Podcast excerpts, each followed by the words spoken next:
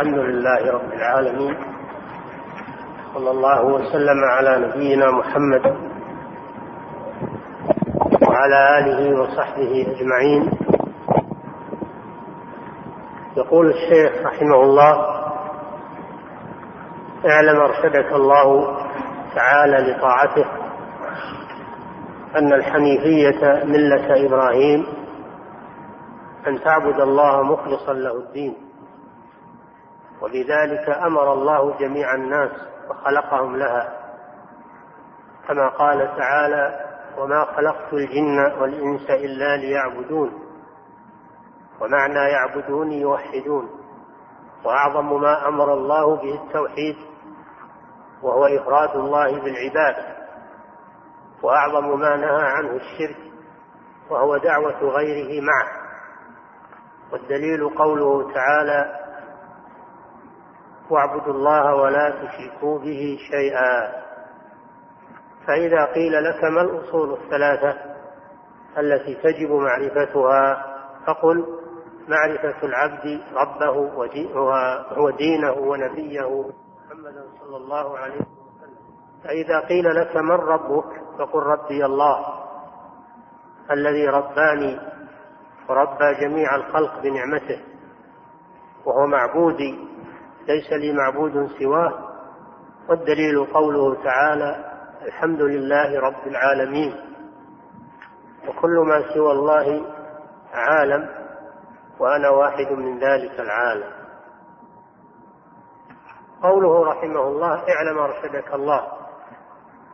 هذا كأنه بداية رسالة ثالثة لأنه مضى أن قرأنا رسالتين.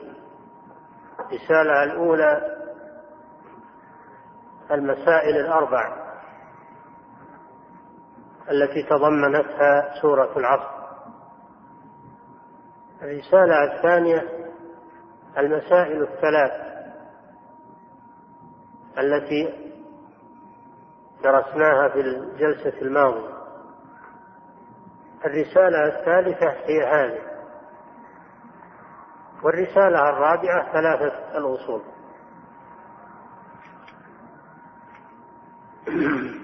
فهذه الرسالة المختصرة وهي قوله رحمه الله اعلم. تقدم الكلام على لفظة اعلم ومعناها والمقصود من الإتيان بها وقوله أرشدك الله هذا دعاء دعاء من الشيخ رحمه الله لكل من يقرأ هذه الرسالة متفهما لها يطلب العمل بها بأن يرشده الله والإرشاد هو الهداية إلى الصواب التوفيق. للعلم النافع والعمل الصالح والرشد ضد الغي قد تبين الرشد من الغي. وإن يروا سبيل الرشد لا يتخذوه سبيلا. وإن يروا سبيل الغي يتخذوه سبيلا. فالرشد ضد الغي. والرشد هو دين الإسلام. والغي دين أبي جهل وأمثاله. كما يأتي. أرشدك الله لطاعته. هذا دعاء عظيم. فإن المسلم إذا أرشده الله لطاعته فقد سعد في الدنيا والآخرة. والطاعة هي امتثال ما أمر الله تعالى به واجتناب ما نهى الله تعالى عنه. هذه هي الطاعة امتثال ما أمر الله تعالى به. واجتناب ما نهى الله تعالى عنه. فتطيع الله في أوامره فتفعلها وتطيعه في في نواهيه فتجتنبها. امتثالا لأمر الله. وابتغاء لوجه الله عز وجل ترجو ثوابه وتخاف عقابه فمن وفق لطاعة الله وأرشد لطاعة الله فإنه يسعد في الدنيا وفي الآخرة. ما الذي تعلمه؟ أن الحنيفية أن الحنيفية ملة إبراهيم. أن تعبد الله مخلصا له الدين. هذا هو الذي يجب أن تعلمه وأن تعرفه. والحنيفية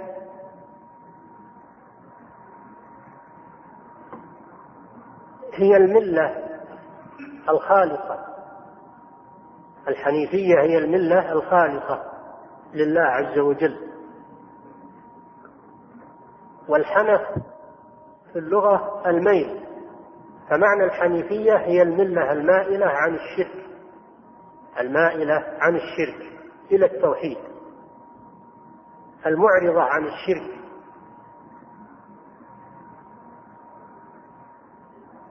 والحنيف هو المائل عن الشرك إلى التوحيد.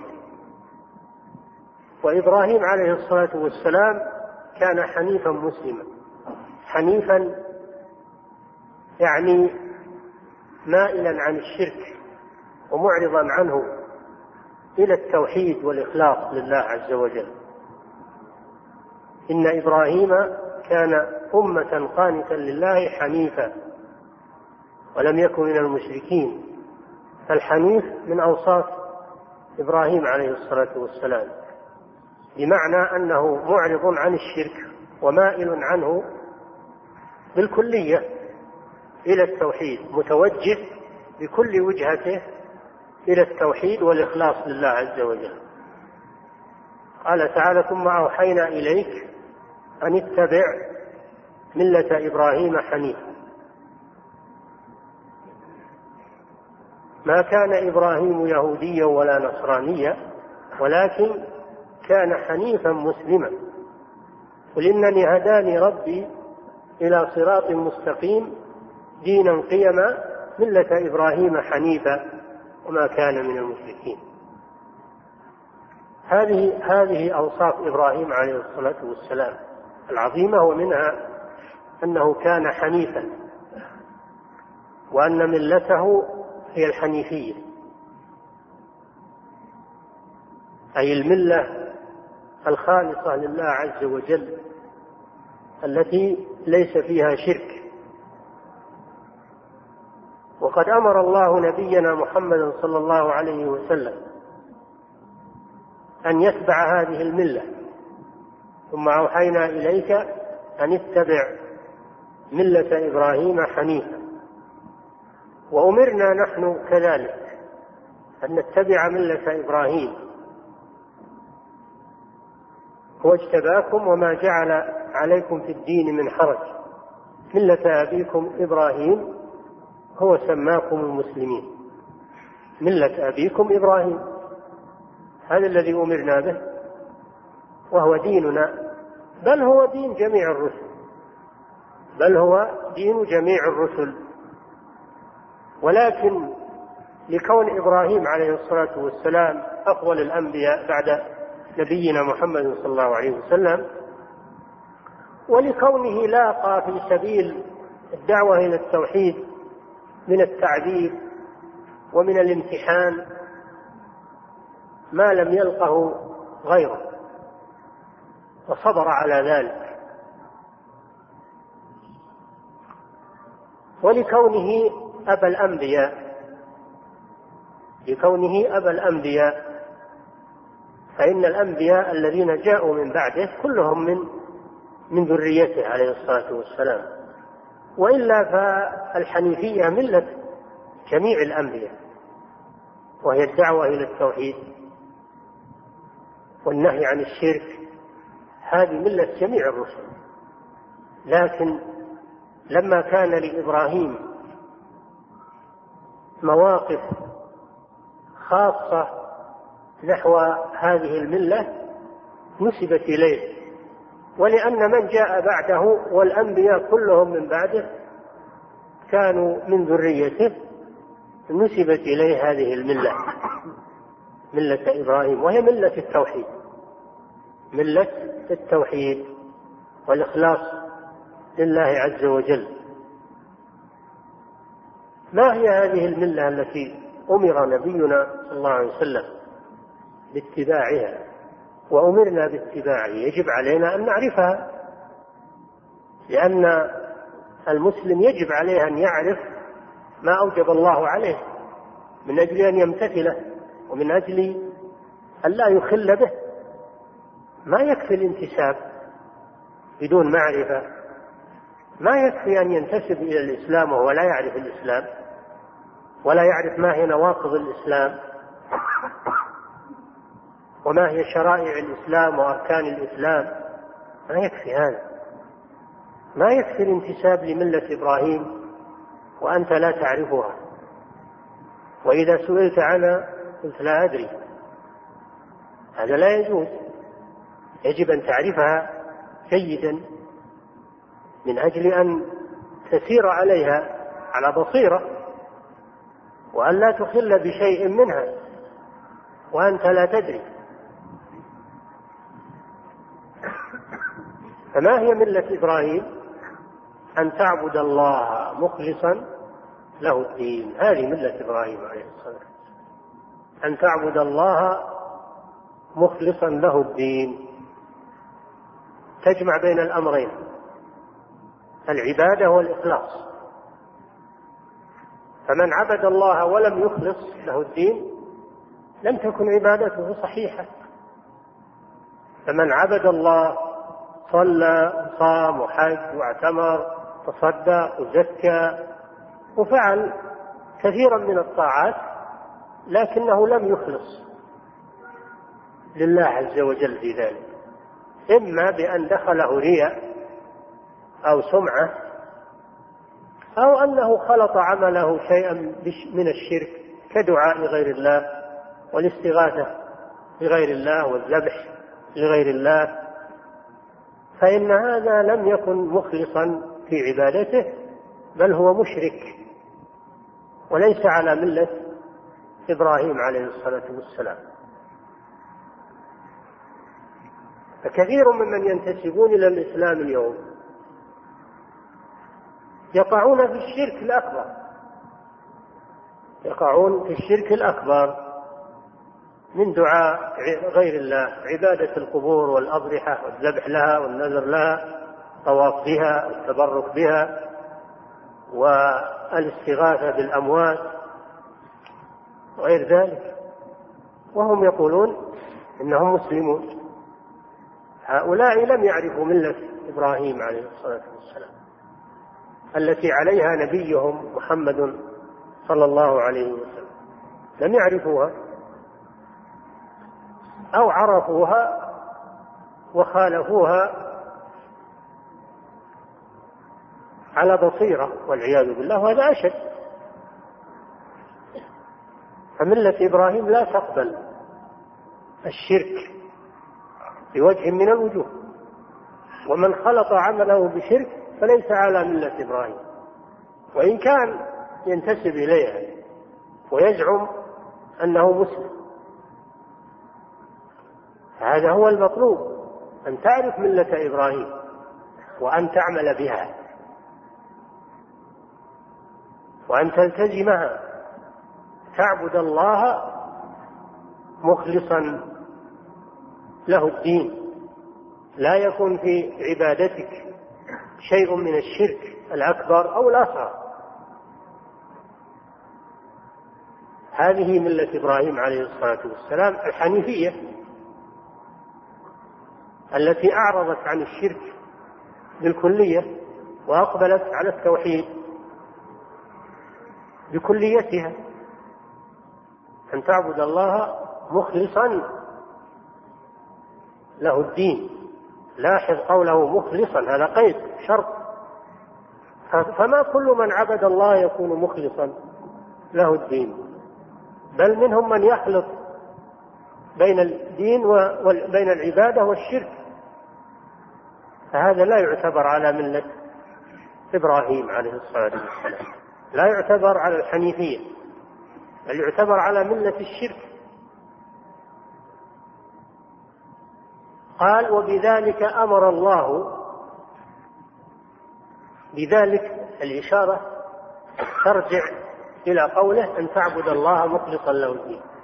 أي وبعبادة الله مخلصا له الدين أمر الله جميع الخلق. أمر الله جميع الناس. جميع الناس. عربهم وعجمهم. أبيضهم وأسودهم.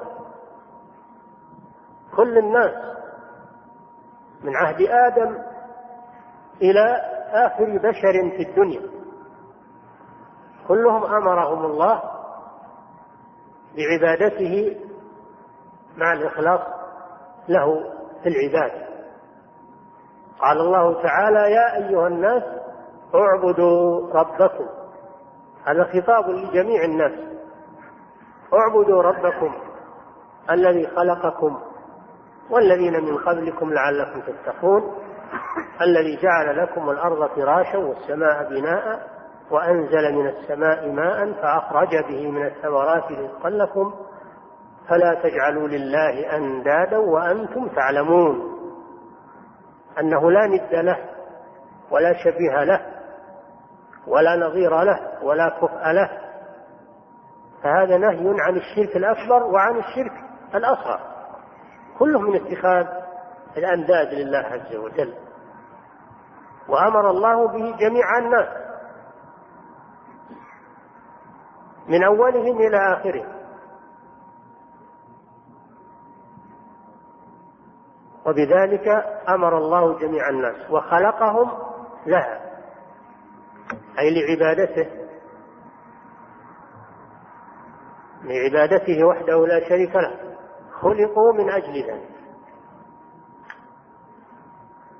خلقوا من أجل ذلك وأمروا بذلك.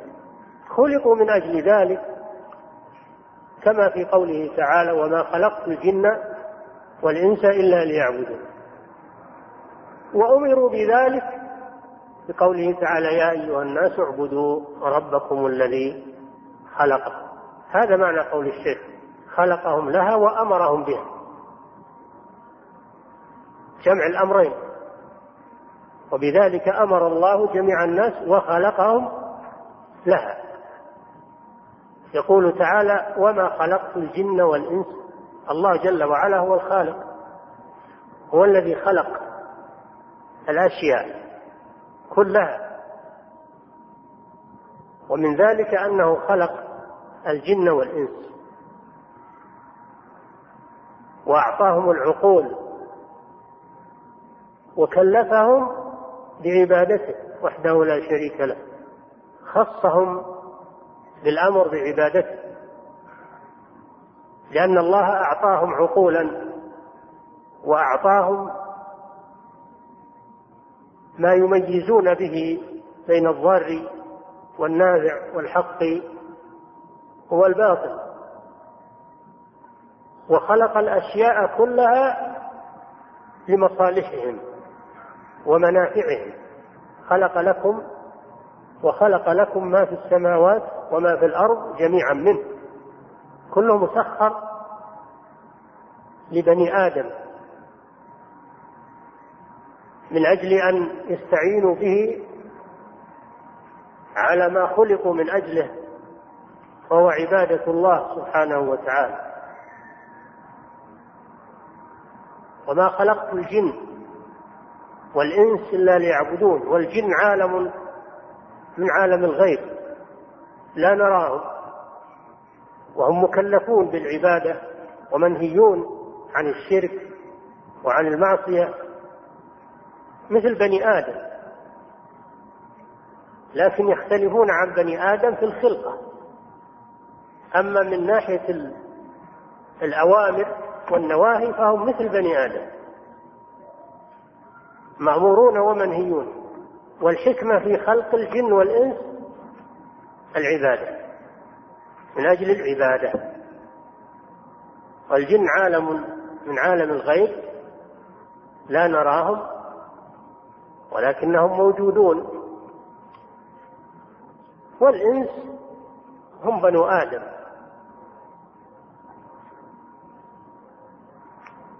سموا بالإنس والله أعلم لأن بعضهم يأنس يأنس ببعض.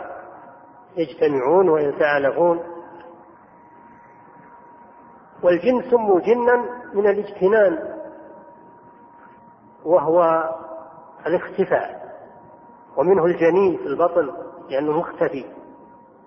جنه الليل إذا ستره والمجن وهو الذي يتخذ دون القتال. فالاجتنان والجن هو الشيء الخفي المستتر. فالجن مستترون عنا لا نراهم. وهم عالم موجود. من كافر. من أنكر وجود الجن فهو كافر. لأنه مكذب لله ولرسوله ولاجماع المسلمين. ما خلقت الجن والإنس إلا ليعبدون. بين أنه لم يخلقهم لشيء إلا لعبادته. هذا حصر. هذا من باب الحصر. فهو لم يخلقهم من أجل أن ينفعوه أو يضروه أو يتعزز بهم من ذلة أو يتكثر بهم من قلة. لأنه غني عن العالمين سبحانه وتعالى. ما خلقهم لحاجته إليهم. وما خلقهم من أجل أن يرزقوه أو يكتسبوا له الأموال ما أريد منهم من رزق وما أريد أن يطعمون ما خلقهم من أجل أن يجمعوا له الأموال أو يكتسبوا له أو يرزقوه سبحانه وتعالى. إن الله هو الرزاق بالقوه المتين. الله ليس بحاجة إلى الخلق. فالله خلق الجن والإنس لشيء واحد فقط وهو أن يعبدوه. وحده لا شريك له. وهو ليس بحاجة إلى عبادته وإنما هم المحتاجون إلى العبادة لأنهم إذا عبدوا الله أكرمهم وأدخلهم الجنة فمصلحة العبادة راجعة إليهم. ومضرة المعصية عائدة عليهم. أما الله جل وعلا فإنه لا تضره طاعة المطيع لا تنفعه طاعة المطيع ولا تضره معصية. العاصي سبحانه وتعالى. إن تكفروا أنتم ومن في الأرض جميعا فإن الله لغني حميد. الله لا يضره معصية العاصي ولا تنفعه طاعة المطيع وإنما هذا راجع إلى الخلق أنفسهم. إن أطاعوه انتفعوا وإن عصوه تضرروا بمعصيته. وما خلقت الجن والإنس إلا ليعبدون أصله ليعبدوني. فحذفت ياء المتكلم. وبقيت النون الوقاية يسمونها نون الوقاية. وبقيت الكسرة على النون للدلالة على المحذوف أصلا ليعبدوني لما حذفت الياء صارت ليعبدوني بدون ياء. النون هذه ليست نون الجمع إنما هي نون الوقاية.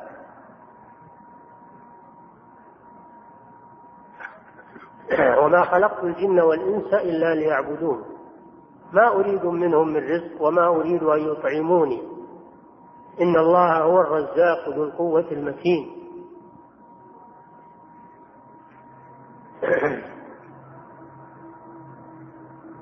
هذا هو الحكمة من خلق الخلق. أنهم خلقوا للعبادة لا لمقصد آخر. وما دام خلقوا للعبادة فإنه يجب عليهم القيام بها. إن أرادوا الفلاح لأنفسهم والنجاة لأنفسهم. ودلت الآية على أن الله لم يخلق الخلق عبثا وإنما خلقهم لحكمة كما قال تعالى أفحسبتم أنما خلقناكم عبثا وأنكم إلينا لا ترجعون. كما قال تعالى أيحسب الإنسان أن يترك سدى؟ يعني يترك هملا لا يؤمر ولا ينهى. خلق بس من أجل أن يعيش في الدنيا ويأكل ويشرب؟ لا. خلق لغاية ولحكمة وهي العمل الصالح والعبادة. ثم بعد ذلك يبعث ويجازى بأعماله هذا الذي خلق الإنسان من أجله والجن والإنس خلقوا من أجل هذا. ما خلقوا عبثا ولا تركوا سدى.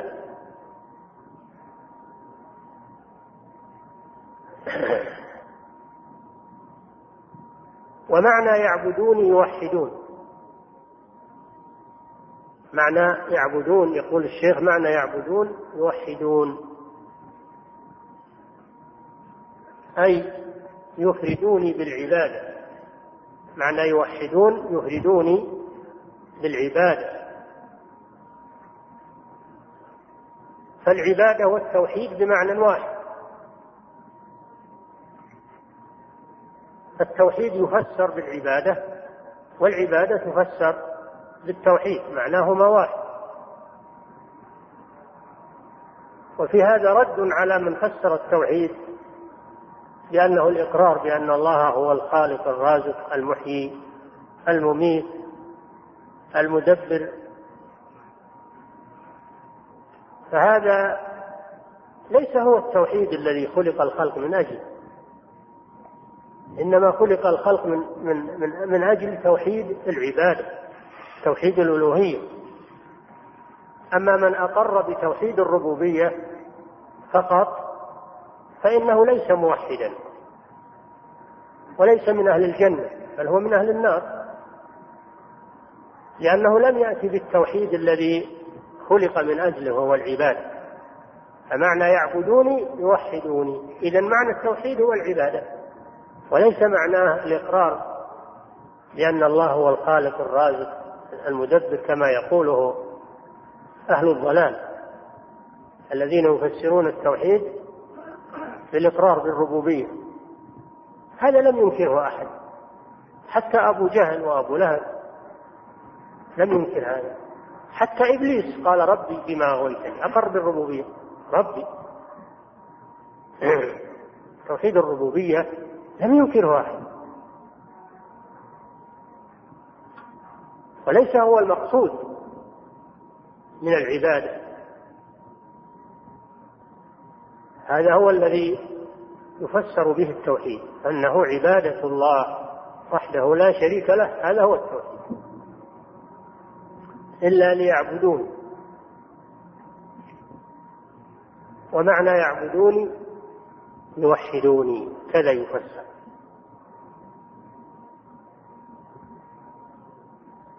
وأعظم ما أمر الله به التوحيد وهو إفراد الله بالعبادة وأعظم ما نهى عنه الشرك وهو دعوة غيره معه أعظم ما أمر الله به التوحيد.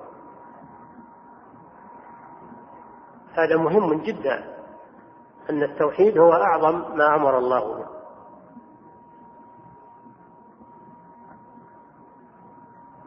كل الأوامر التي أمر الله بها فإنها بعد التوحيد. ما الدليل على أن التوحيد هو أعظم ما أمر الله به؟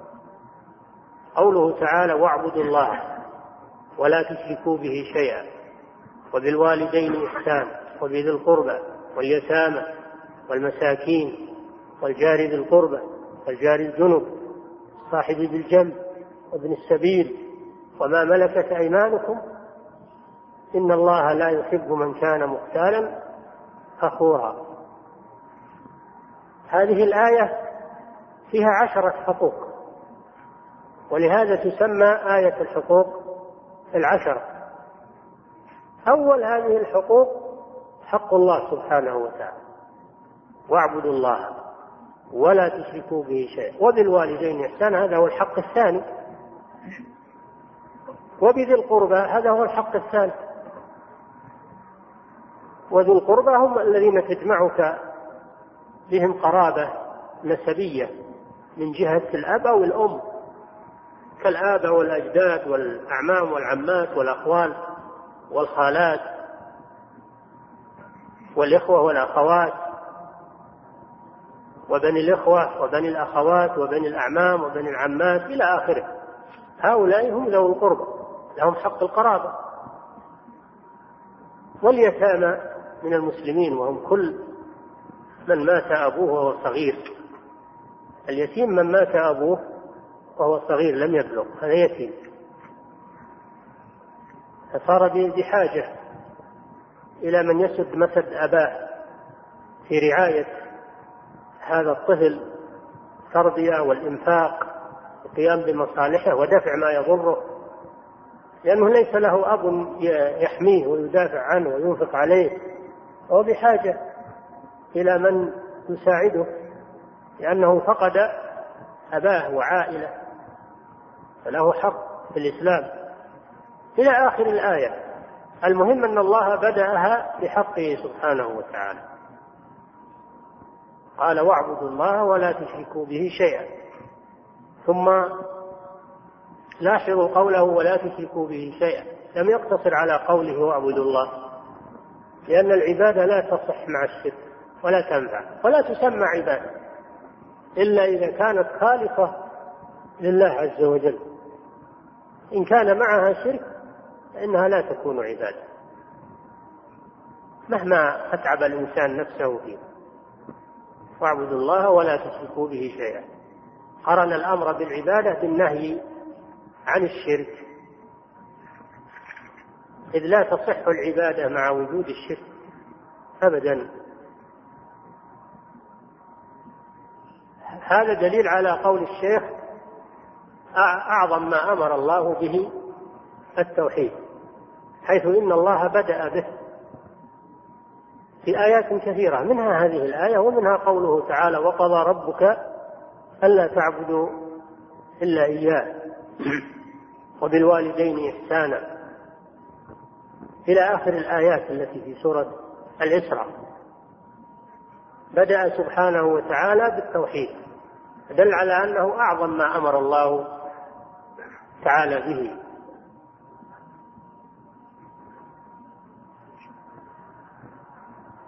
قال سبحانه قل تعالوا واتلوا ما حرم ربكم عليكم ألا تشركوا به شيئا؟ وبالوالدين إحسانا. ولا تقتلوا أولادكم من إملاق.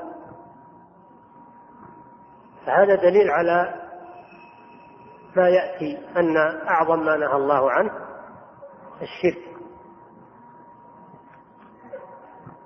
هذا معنى قول الشيخ أعظم ما أمر الله به التوحيد. إذا كان أعظم ما أمر الله به التوحيد فإنه يجب أن يبدأ به في التعلم أن يبدأ الإنسان بتعلم العقيدة قبل كل شيء. العقيدة هي الأساس.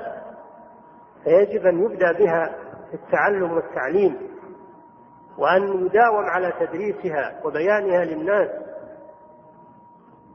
لأنها هي أعظم ما أمر الله تعالى به.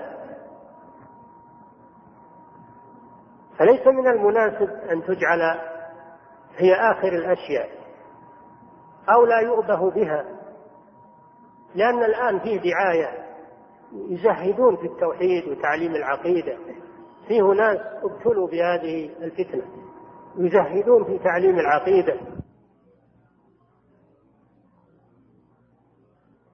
لأنها هي الأساس. ولأن الإخلال بها إخلال بالدين كله.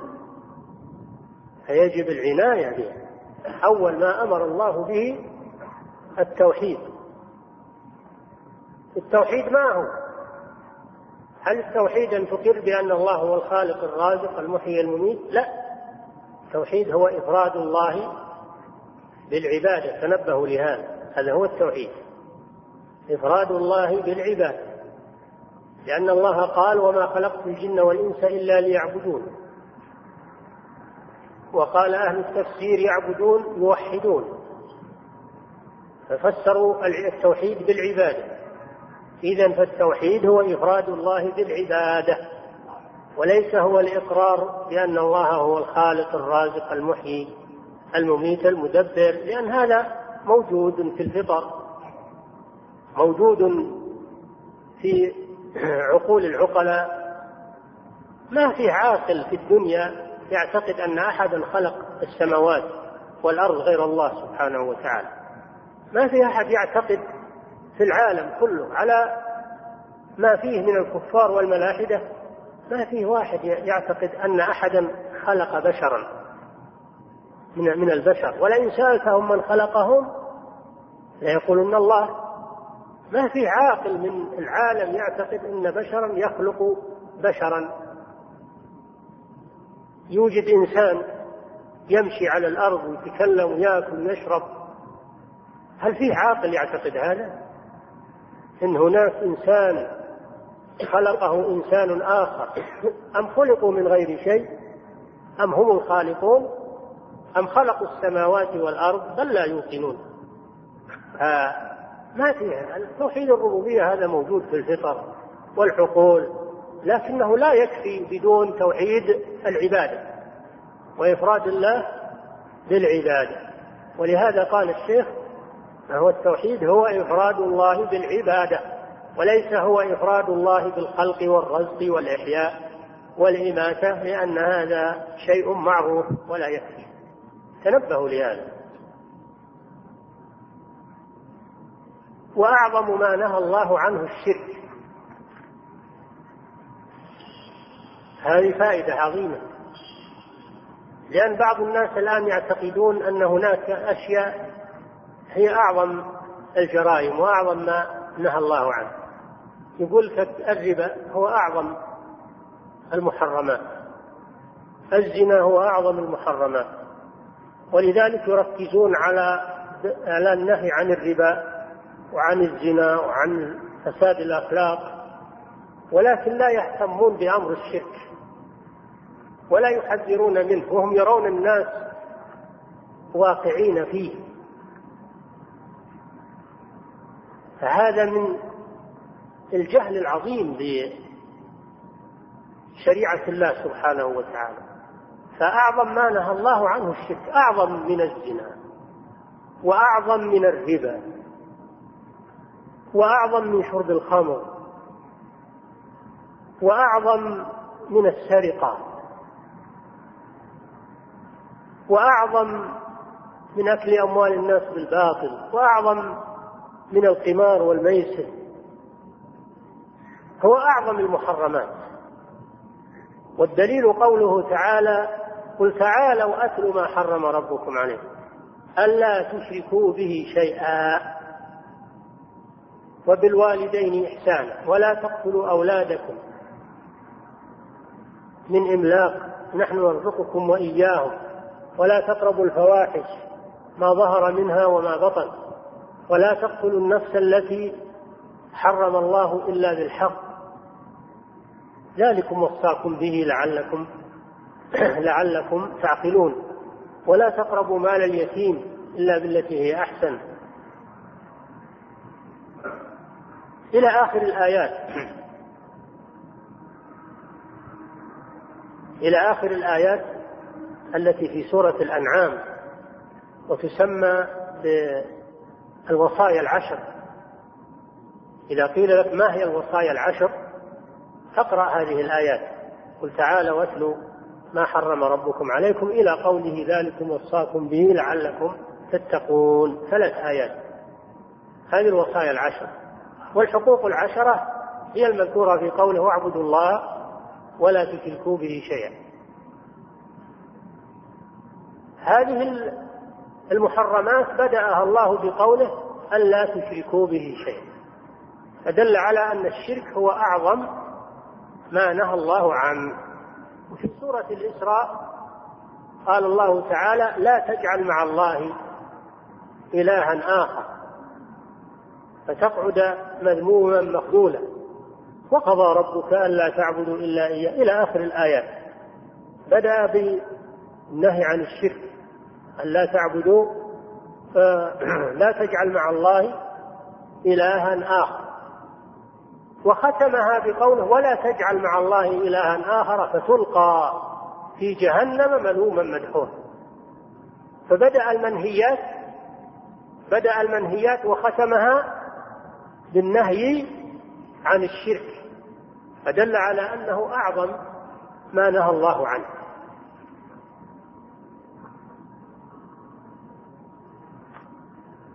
هذا يدل على قول الشيخ وأعظم ما نهى الله عنه الشرك.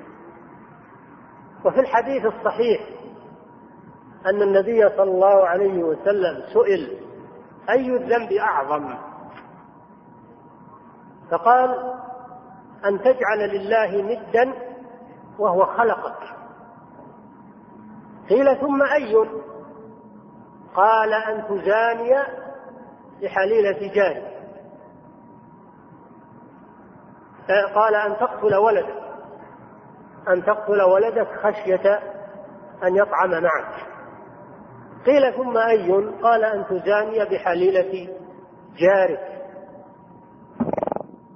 وأنزل الله تصديق ذلك في قوله والذين لا يدعون مع الله إلها آخر ولا يقتلون النفس التي حرم الله إلا بالحق ولا يزنون. ومن يفعل ذلك يلقى أثاما فبدأ بالشرك. بدأ بالشرك.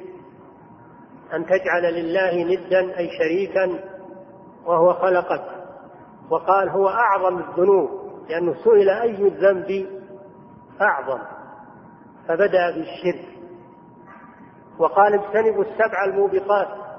قيل وما هن يا رسول الله؟ قال الشرك بالله والسحر وقتل النفس التي حرم الله إلا بالحق إلى آخر الحديث.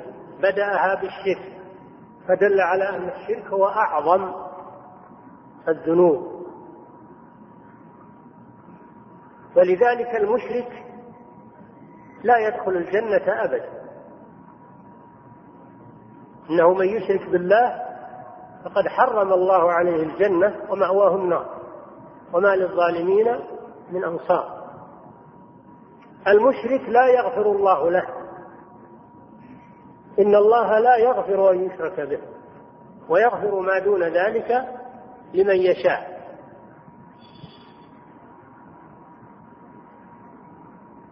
فدل هذا دل تحريمه على الج...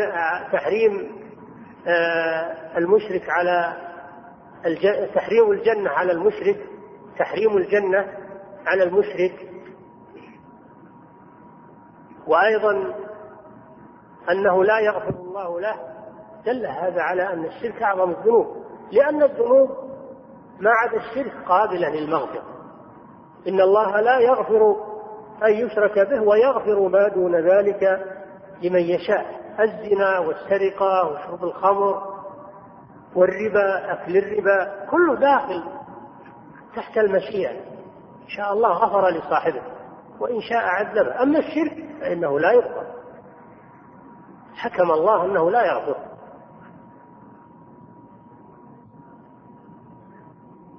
وكذلك العاصي وإن كان عنده كبائر دون الشرك فإنه لا تحرم عليه الجنة. لا تحرم عليه الجنة. مآله إلى الجنة. إما بأن يغفر له من أول وهلة ويدخل الجنة وإما بأن يخرج من النار بعد تعذيبه ويدخل الجنة. فالمؤمن مهما كان من الفسق والمعاصي التي دون الشرك فإنه لا يقنط من رحمة الله ولا يحرم من الجنة وهو داخل تحت المغفرة بمشيئة الله سبحانه وتعالى. أما المشرك فإنه محروم من ذلك كله والعياذ بالله. فدل على أن الشرك هو أعظم الذنوب. قال الله تعالى إن الشرك لظلم عظيم. ومن يشرك بالله فقد افترى إثما عظيما. ومن يشرك بالله فقد ضل ضلالا مبينا. كل هذا يدل على أن الشرك هو أعظم الذنوب. وإذا كان الشرك هو أعظم الذنوب فإنه يجب على العلماء والمتعلمين النهي عنه والتحذير منه وأن لا يسكتوا عن تحذير عن الشرك وأنه يجب جهاد المشركين مع القدرة كما جاهدهم رسول الله صلى الله عليه وسلم اقتلوا المشركين حيث وجدتموهم وخذوهم واحصروهم وخذوا لهم كل مرة. فيجب النهي عن الشرك والتحذير منه وبيان الشرك للناس حتى يجتنبوه.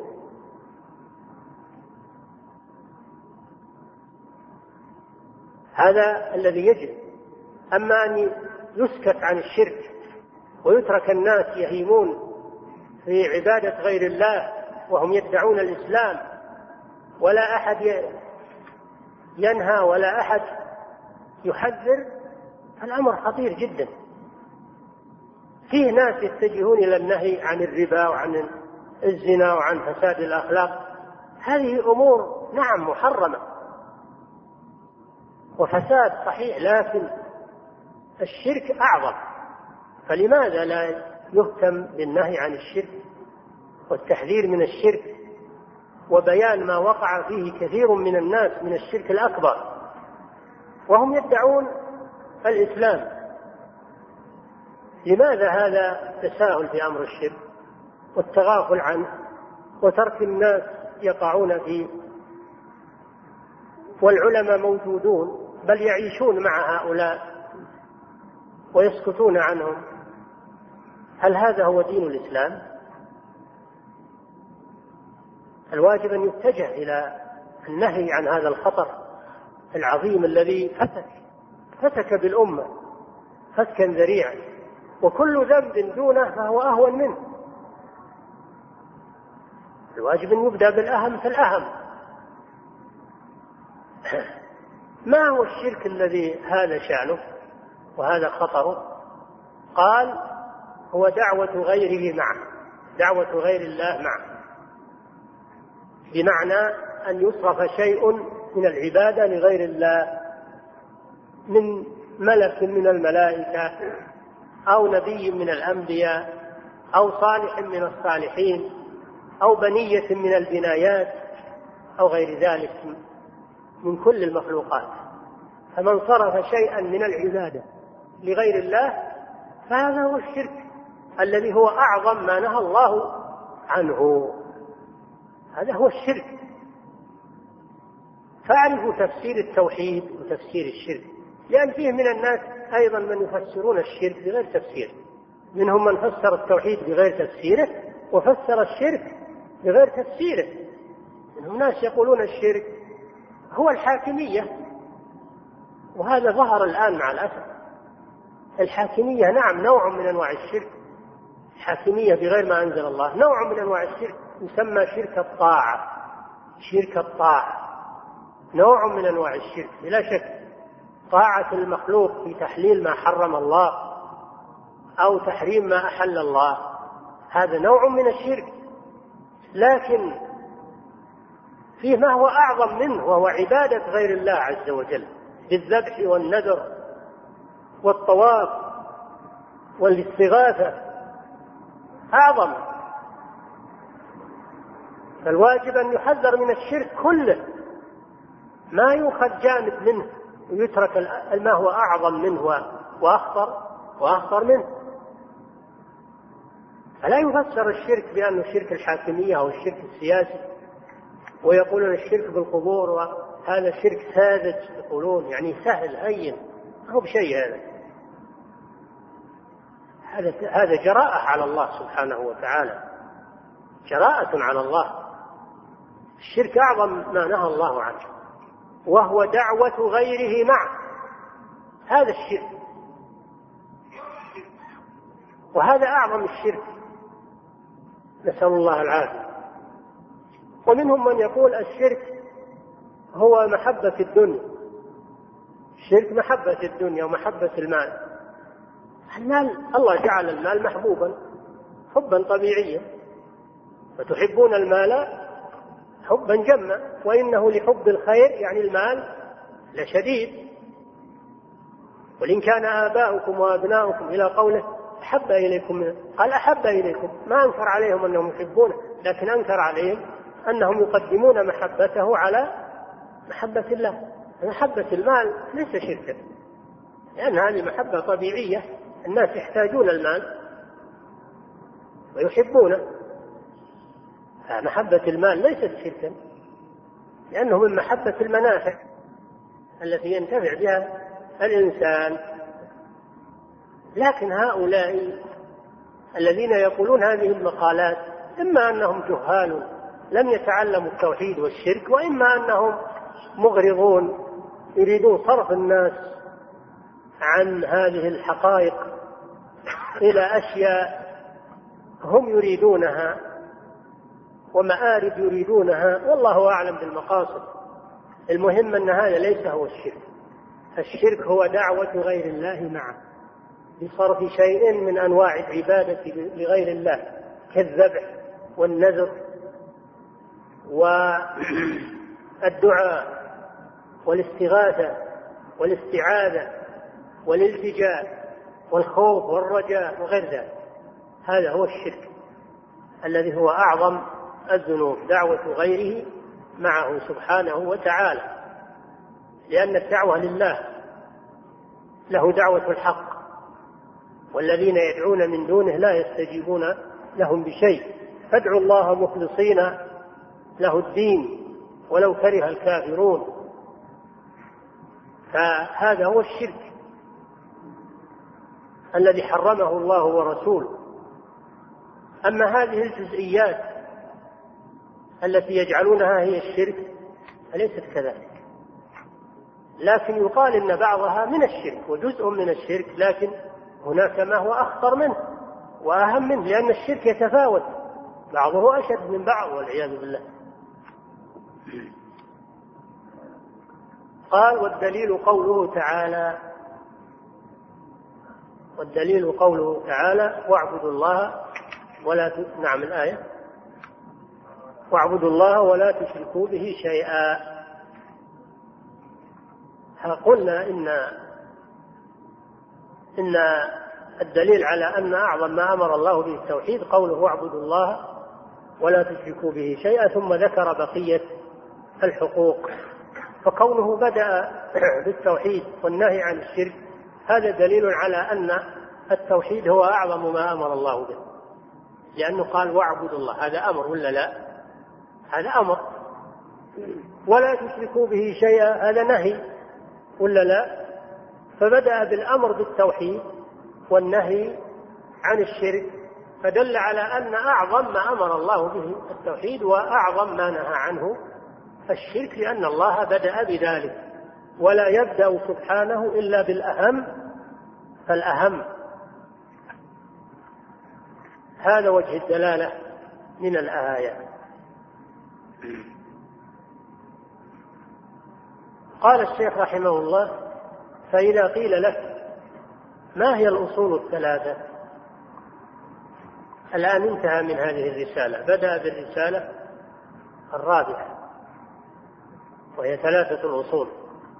إذا قيل لك ما هي الأصول الثلاثة؟ التي تجب معرفتها. فقل معرفة العبد ربه. ودينه ونبيه محمدا صلى الله عليه وسلم. هذه هي الأصول الثلاثة. الأصل الأصول جمع أصل والأصل ما يبنى عليه غيره. الأصل ما يبنى عليه غيره والفرع ما يبنى على غيره. الفرع ما يبنى على غيره. والأصل ما يبنى عليه غيره. فهذه الأصول لأنها يبنى عليها أمر الدين فلذلك سميت أصولا لأنها يبنى عليها أمر الدين. فكل الدين يدور على هذه الأصول الثلاث معرفة العبد ربه. ربه منصوب لأنه مفعول لأن المصدر معرفة أضيف إلى اسم الفاعل إلى العبد أضيف إلى العبد والمصدر إذا أضيف يعمل عمل فعله. يعمل المصدر إذا أضيف يعمل عمل فعله عند النحويين. والمصدر هنا أضيف فيعمل عمل الفعل. معرفة العبد ربه. منصوب على أنه مفعول. ودينه ونبيه معطوف عليه. معطوف على المنصوب منصوب. معرفة العبد ربه. ومعرفة العبد دينه. ومعرفة العبد نبيه محمد صلى الله عليه وسلم. هذه هي الأصول الثلاثة إجمالا وسيأتي تفصيلها في كلام الشيخ رحمه الله. إن شاء الله. لماذا خص هذه الأصول الثلاثة؟ لأنها هي الأساسات لدين الإسلام. ولأنها هي المسائل التي يسأل فيها العبد يسأل عنها العبد حين يوضع في قبره. إذا وضع العبد في قبره وسوي عليه التراب وانصرف عنه الناس راجعين صرف المشيعون راجعين إلى أهليهم.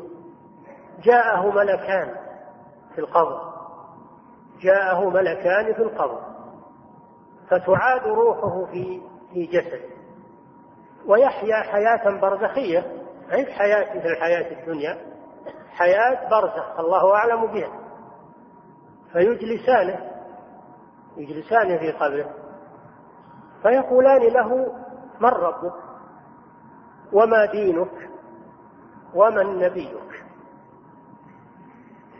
فالمؤمن يقول ربي الله والإسلام ديني ومحمد صلى الله عليه وسلم نبي. فيقال له كيف عرفت؟ فيقول قرأت كتاب الله قرأت كتاب الله فدريت وعرفت. فينادي مناد أن صدق عبدي.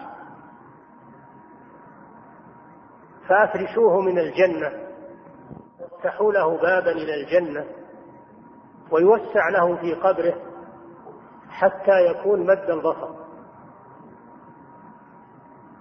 فيأتيه من ريح الجنة وروحها. وينظر إلى ينظر إلى مسكنه في الجنة فيقول يا ربي أقم الساعة حتى أرجع إلى أهلي ومالي. وأما المرتاب والعياذ بالله المرتاب في الحياة الذي عاش على الريبة وعلى الشك وعدم اليقين وإن كان يدعي الإسلام إذا كان عنده شكوك وعنده ريب في دين الله كالمنافق فإنه يتلجلج. فإذا قالوا له من ربك؟ يقول ما أدري. وإذا قالوا ما دينك؟ يقول لا أدري. وإذا قيل من نبيك؟ يقول لا أدري. ها؟ ها؟ لا أدري. سمعت الناس يقولون شيئا فقلت يعني أنه في الدنيا مقلد فقط. ما هو مؤمن؟ وإنما يقول هذا من باب التقليد. هذا المنافق والعياذ بالله. هذا المنافق الذي أظهر الإسلام وهو لا يعتقده في قلبه وإنما أظهره من باب التقليد من أجل مصالحه الدنيوية. يقول ربي الله وهو غير مؤمن بهذا. قلبه منكر والعياذ بالله. يقول ديني الإسلام وهو لا يؤمن بالإسلام. دينه منكر قلبه منكر. يقول نبي محمد وهو لا يؤمن برسالة محمد صلى الله عليه وسلم في قلبه وإنما يقول بلسانه فقط هذا هو هو المنافق. فيقال له لا دريت ولا تليت فيضرب بمرزبة من حديد. يصيح بها صيحة لو سمعه الثقلان لصعقوا. يسمعها كل شيء إلا الإنسان. ولو سمعها الإنسان لصعق يعني لمات من الهول. ويضيق عليه في قبره حتى تختلف أضلاعه ويفتح له باب إلى النار فيأتيه من سمومها وحرها فيقول يا رب لا تقم الساعة. هذه عيشته حالته في القبر والعياذ بالله. لأنه ما أجاب بالجواب السديد ولذلك ينادي مناد أن كذب عبد فأفرشوه من النار وافتحوا له بابا إلى النار والعياذ بالله. فإذا كانت هذه المسائل بهذه الأهمية وجب علينا أن نتعلمها وأن نعتقدها. ما يكفي أن نتعلمها فقط نتعلمها ونعتقدها ونؤمن نؤمن بها ونعمل بها. ما دمنا على قيد الحياة. لعل الله أن يثبتنا عند السؤال في القبر. يقول الله تعالى يثبت الله الذين آمنوا بالقول الثابت في الحياة الدنيا وفي الآخرة ويضل الله الظالمين ويفعل الله ما يشاء. هذا عند القبر عندما يدفن الإنسان يسأل فيثبت الله المؤمن بالقول الثابت ويجيب بالجواب الصحيح ويضل الله الظالمين فلا يدرون عن الجواب. فهذه الأصول الثلاثة لها أهمية عظيمة ولهذا ركز عليه الشيخ رحمه الله في هذه الرسالة ووضحها من أجل أن ندرسها ونتمعن فيها ونعتقدها ونعمل بها. لعل الله أن يثبتنا وإياكم بالقول الثابت في الحياة الدنيا وفي الآخرة. صلى الله وسلم على نبينا محمد على آله وصحبه أجمعين. نعم. جزاكم الله خيرا. يقول السائل هل الالتفات في الصلاة هل يبطل الصلاة وما من مقدار الالتفات؟ الالتفات في البدن يبطل الصلاة إذا كان لغير ضرورة. إذا انحرف عن القبلة في الصلاة فإنه إذا كان لغير ضرورة فإنها تبطل. هذا في الفريضة. أما في النافلة فلا بأس أن يصلي إذا كان يسير في الطريق المسافر يسير في الطريق في الليل له أن يصلي إلى الجهة التي هو متجه إليها. لأنه صلى الله عليه وسلم كان يصلي النافلة في السفر على راحلته أينما توجهت به. وأما في الفريضة فلا بد من استقبال القبلة لأن هذا من شروط صحة الصلاة. فإذا انحرف عنها ببدنه بطلت صلاته إلا إذا كان هذا لضرورة. وأما الالتفات بالرأس فقط فإنه مكروه. الالتفات بالرأس فقط مكروه. وهو اختلاس يختلسه الشيطان من صلاة الإنسان كما ذكر النبي صلى الله عليه وسلم. فهو مكروه ولا يبطل الصلاة. نعم. أحسن الله إليكم. هذه رسالة وصلت من سائل ميم عين ألف. يقول آه، شخص له منزل في آه، ضواحي شقراء وأغلب الوقت لهذا الرجل آه، يقضيه في الرياض. هل يجوز له في مثل هذه الحالة أن يقصر الصلاة؟ العبرة ببلد الإقامة. فإذا كان مقيما في الرياض ومرتحلا عن شقرة وإنما محل إقامته المستديمة في الرياض فإنه لا يقصر الصلاة في الرياض. ولكن يقصرها في الطريق إذا ذهب إلى شقرة أو غيرها يقصر في الطريق. ويقصر أيضا في بلد في البلد الذي انتقل منه. يقصر في البلد الذي انتقل منه لأنه آه، يعتبر مسافرا. لأنه انتقل من هذا البلد. فالعبرة بمحل الإقامة الدائمة. إذا كانت إقامته الدائمة في الرياض فهو من أهل الرياض. فإذا خرج منها مسافة قصر فإنه يقصر الصلاة. لأنه مسافر حتى يرجع إلى الرياض. نعم. أحسن الله إليكم وبارك فيكم.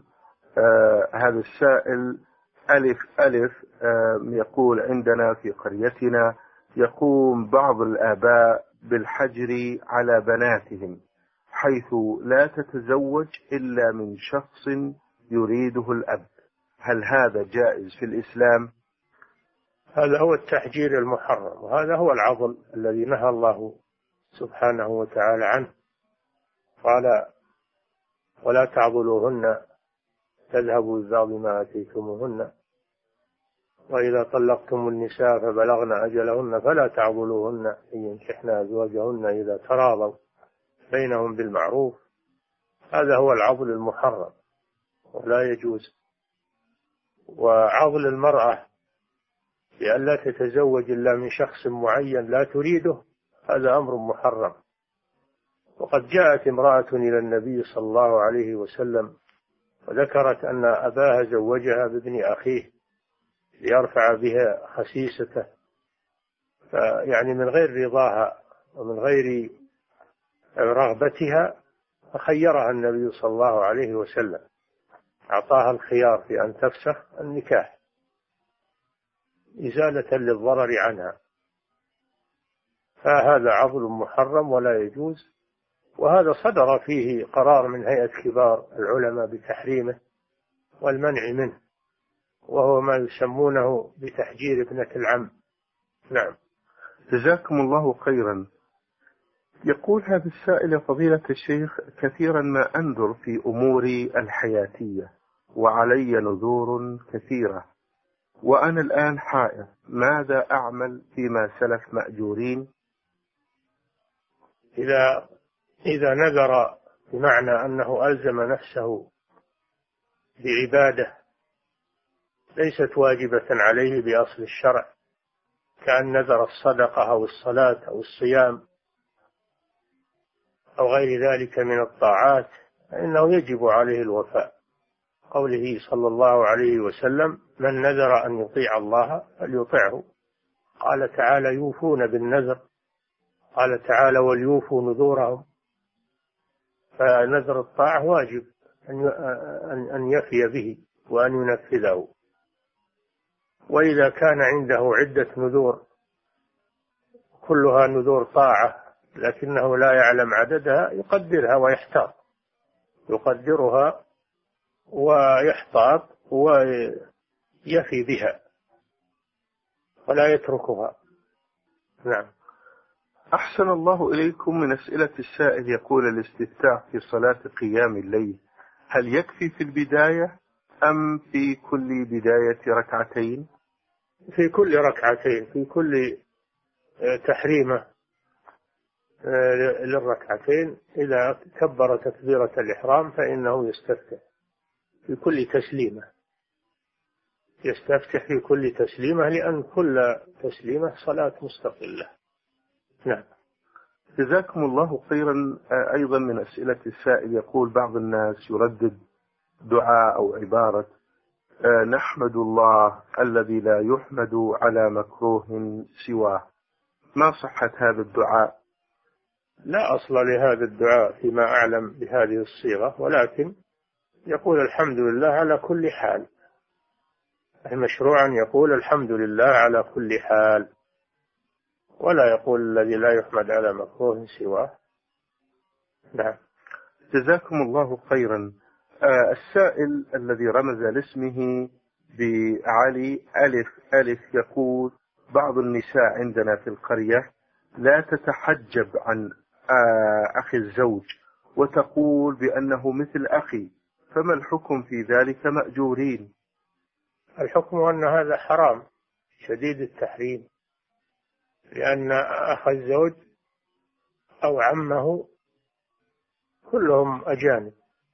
لا يجوز للمرأة أن تكشف لهم لأنهم أجانب وهذا هو الحمو الذي قال فيه النبي صلى الله عليه وسلم الحم الموت. فالحمو هو قريب الزوج. فلا شك أنها مخطئة في هذا العمل ويجب عليها التوبة إلى الله عز وجل وأن تحتجب من أخي زوجها لأنه أجنبي منها. نعم. أحسن الله إليكم آه، السائل الذي رمز لاسمه بأبو محمد آه، من الرياض يقول عندي مجموعة من الأسئلة حدثونا عن السنن الراتبة الواردة في السنة. السنن الرواتب أربع عشرة على الكمال وعشر ركعات على الأقل. فأربع عشرة ركعة أربع ركعات قبل الظهر وأربع ركعات بعد الظهر وركعتان بعد المغرب وركعتان بعد العشاء وركعتان قبل صلاة الفجر.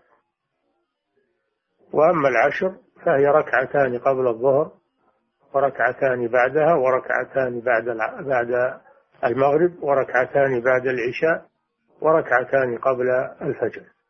نعم. أحسن الله إليكم. آه، آخر سؤال في آه، أسئلة الأخ السائل لهذا البرنامج. يقول شيخ شخص متزوج من زوجتين ولكنه لم يعدل فمال إلى الثانية وترك الأولى من غير نفقة ولا مبيت. ما الحكم المترتب على هذا الشخص؟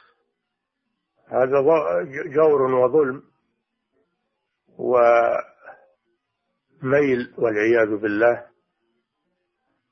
فالواجب عليه العدل بين الزوجات فيما أمر الله بالعدل به وهو العدل في النفقة والعدل في الكسوة والعدل في المبيت والعدل في المسكن. هذه الأربعة لا بد من العدل بين الزوجات فيها فإذا أخل بشيء منها صار هذا ميلا. والنبي صلى الله عليه وسلم قال من كان له زوجتان فمال إلى إحداهما جاء يوم القيامة وشقه مائل. والله جل وعلا قال في إباحة التعدد أنكحوا ما طاب لكم من النساء مثنى وثلاث ورباع فإن خفتم ألا تعدلوا فواحدة. يعني إن خفتم ألا تعدلوا في النفقة والكسوة والمسكن والمبيت فاقتصروا على واحدة. خروجا من الإثم أو ما ملكت أيمانكم. فالعدل هذا النوع هذا النوع من العدل بين الزوجات واجب. وإذا خل به فهذا محرم. فيجب عليه أن يتوب إلى الله عز وجل وأن يعدل بين زوجاته حتى ولو كان يحب إحداهما أكثر من الأخرى فلا يحمله زيادة زيادة حبها على أن يميل معها عن الأخرى ويفضلها على الأخرى في هذه الأمور. نعم. أحسن الله إليكم. أم فهد من الرياض تقول أسأل عن حكم الوضوء بعد وضع الكريم لترطيب البشرة خصوصا في فصل الشتاء. هل يحجب وصول الماء إلى البشرة؟ وهل آه، يجب علينا أن نغسل اليدين والذراعين بالصابون قبل الوضوء؟ الأدهان التي لا تتجمد على الجلد وإنما هي مجرد دهن هذه لا تمنع الوضوء. ولا بأس باستعمالها ولا يلزم غسلها. وأما الأشياء التي تتجمد على على الجلد أو على الظفر مثل المناكير ما يسمونه بالمناكير والأصباغ التي تتجمد فهذه تمنع وصول الماء إلى الجلد فيجب إزالتها. نعم. شكر الله لكم وفضيلة الشيخ وبارك الله فيكم وفي علمكم. ونفع بكم الإسلام والمسلمين. فضيلة الشيخ هذه هذه رسالة وصلت من السائل عبد الله آه، من اليمن يقول في هذا السؤال فضيلة الشيخ إن التمائم والتولة شرك. آه هذا الحديث ما هي التمائم وما هي التولة جزاكم الله خيرا. بسم الله الرحمن الرحيم الحمد لله رب العالمين وصلى الله وسلم على نبينا محمد وعلى آله وأصحابه أجمعين. قال صلى الله عليه وسلم إن الرقى والتمائم والتولة شرك. والرقاء المراد بها الرقى الجاهلية التي فيها دعاء لغير الله عز وجل واستغاثة بالجن والشياطين غير ذلك. هذه شرك محرمة لأن فيها دعاء لغير الله. أما الرقى التي من القرآن أو من الأدعية الشرعية فهذه لا بأس بها. والتمائم ما يعلق تمائم كل ما يعلق على الأبدان أو على المحلات أو على السيارات لاتقاء العين بزعمهم. يعلقونها على أبدانهم أو على ممتلكاتهم تقون بها العين بزعمهم. فهذا منهي عنه لأنه شرك كما قال صلى الله عليه وسلم إن الرقى والتمائم والتولة شرك. لأن فيه اعتمادا على غير الله سبحانه وتعالى في رفع البلاء أو دفعه. فهو شرك كما سماه النبي صلى الله عليه وسلم. والتولة شيء يصنعونه يزعمون أنه يحبب المرأة إلى زوجها أو الزوج إلى امرأته وهذا من عمل السحرة.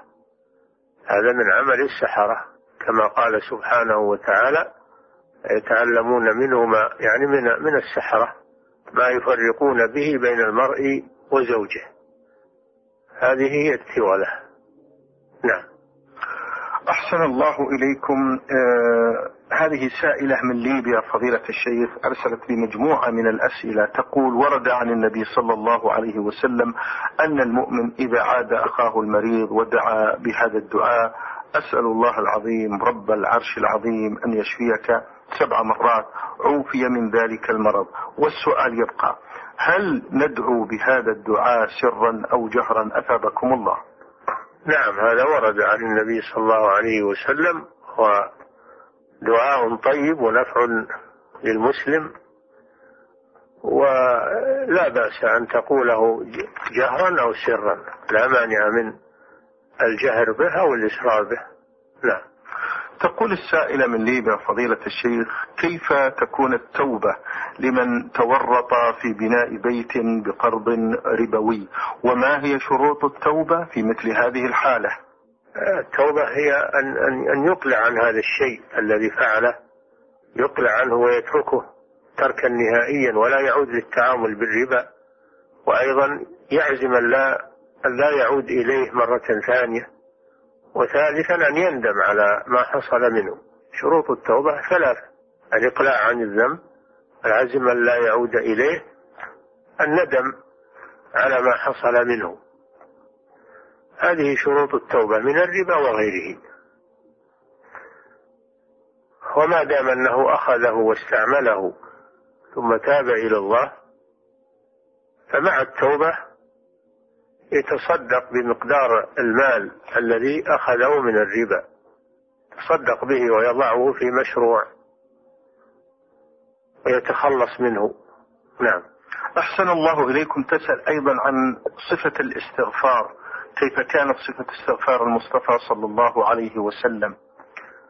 صفتها أنه كان صلى الله عليه وسلم يقول أستغفر الله أستغفر الله أستغفر الله كما صح ذلك عنه بعد بعد سلامه من صلاة الفريضة. أنه كان يستغفر الله ثلاثا ثم يقول اللهم إنك أنت السلام ومنك السلام تباركت يا ذا الجلال والإكرام. ومن صيغ الاستغفار ما جاء عنه صلى الله عليه وسلم وثبت عنه أنه قال سيد الاستغفار اللهم أنت ربي لا إله إلا أنت خلقتني وأنا عبدك وأنا على عهدك ووعدك ما استطعت.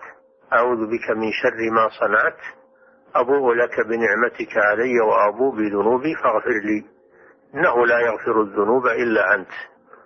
وكذلك ما أوصى به أبا بكر الصديق رضي الله عنه أنه قال له قل اللهم إني ظلمت نفسي ظلما كبيرا وفي رواية كثيرا ولا يغفر الذنوب إلا أنت فاغفر لي مغفرة من عندك وارحمني إنك أنت الغفور الرحيم.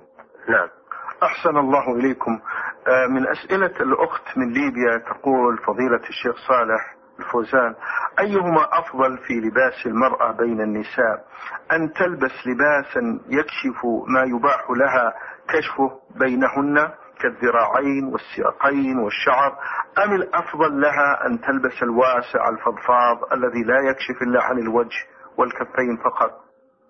نعم يلبس تلبس اللباس المحتشم عند النساء ولا يظهر منها عند النساء إلا ما جرت العادة بكشفه للحاجة مثل الوجه والكفين والقدمين وشعر الرأس.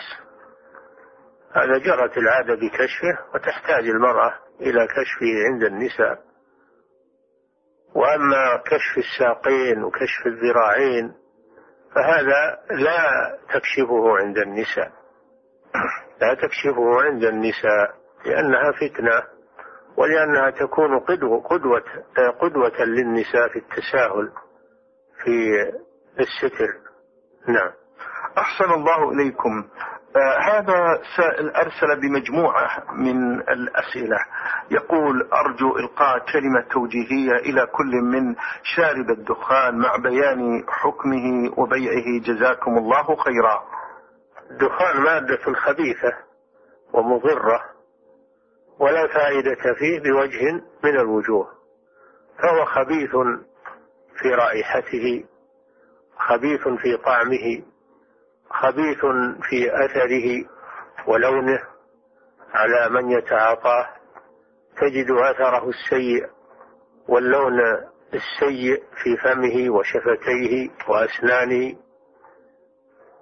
وأيضا أعظم من ذلك أنه خبيث يورث الأمراض آه، الفتاكة كالسرطان بأنواعه كما قرر الأطباء و إفساد إفساد الصدر وما يختزن الدخان. أنت لو اعتدت أن توقد النار في حجرة حجرة كبيرة وكررت إيقاد النار فيها أصبحت سوداء جدرانها وبابها فكيف بصدر الإنسان الضيق؟ ماذا يكون من تعاطي هذه المادة؟ الخبيثة.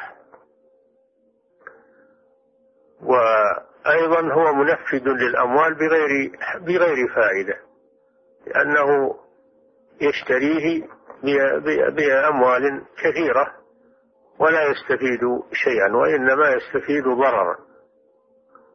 وإذا كان الناس الأبرياء يتأذون بالدخان إذا كانوا في سيارة أو في أو في غرفة أو في في الشارع فإن الناس يتأذون بهذا الدخان لأنه خبيث. فكيف بالذي يتعاطاه؟ فهو من هذه الوجوه محرم ولا يجوز تعاطيه ولا يجوز بيعه وثمنه حرام لأن الله إذا حرم شيئا حرم ثمنه فبيعه حرام وشراؤه حرام وزراعته حرام والاتجار به وجلبه كل هذه محرمات. وهو كسب خبيث. نعم. أحسن الله إليكم. أيضا يقول آه نرجو توجيه كلمة إلى المسبل الذي يطيل الثوب أو البنطال. الإسبال حرام وكبيرة من كبائر الذنوب. والإسبال ما نزل عن الكعبين هذا هو الإسبال قوله صلى الله عليه وسلم ما كان أسفل الكعبين فهو في النار. فهذا هو الإسبال وهو حرام وكبيرة من كبائر الذنوب في حق الرجال.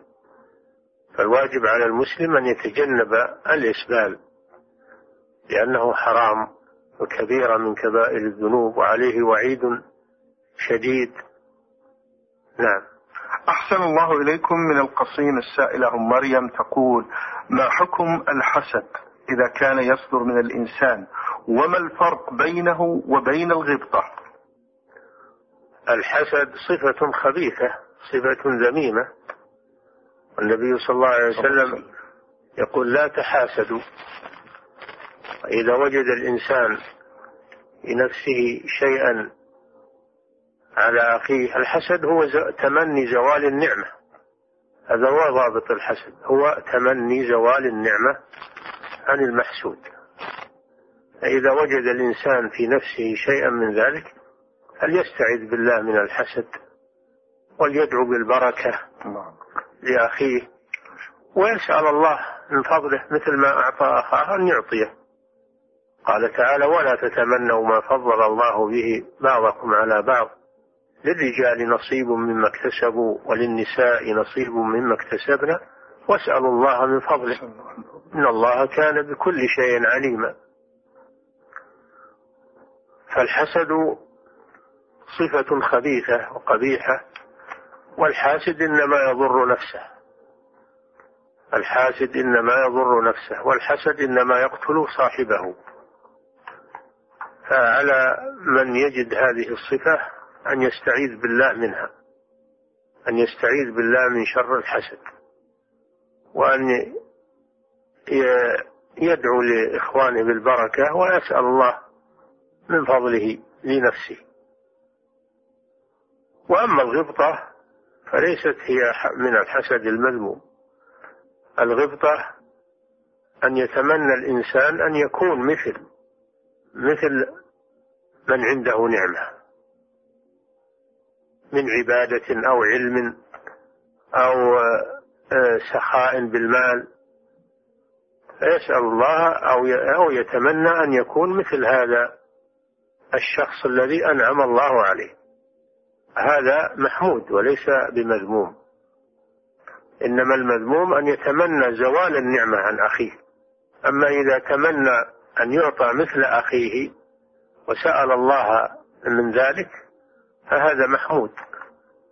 وهذا هو الغبطة قال صلى الله عليه وسلم لا حسد إلا في اثنتين. يعني لا غبطة إلا في اثنتين. رجل آتاه الله علما آتاه الله القرآن فهو يقوم به آناء الليل آناء النهار أو في لفظ آتاه الله الحكمة فهو يعلمها ويقضي بها بين الناس.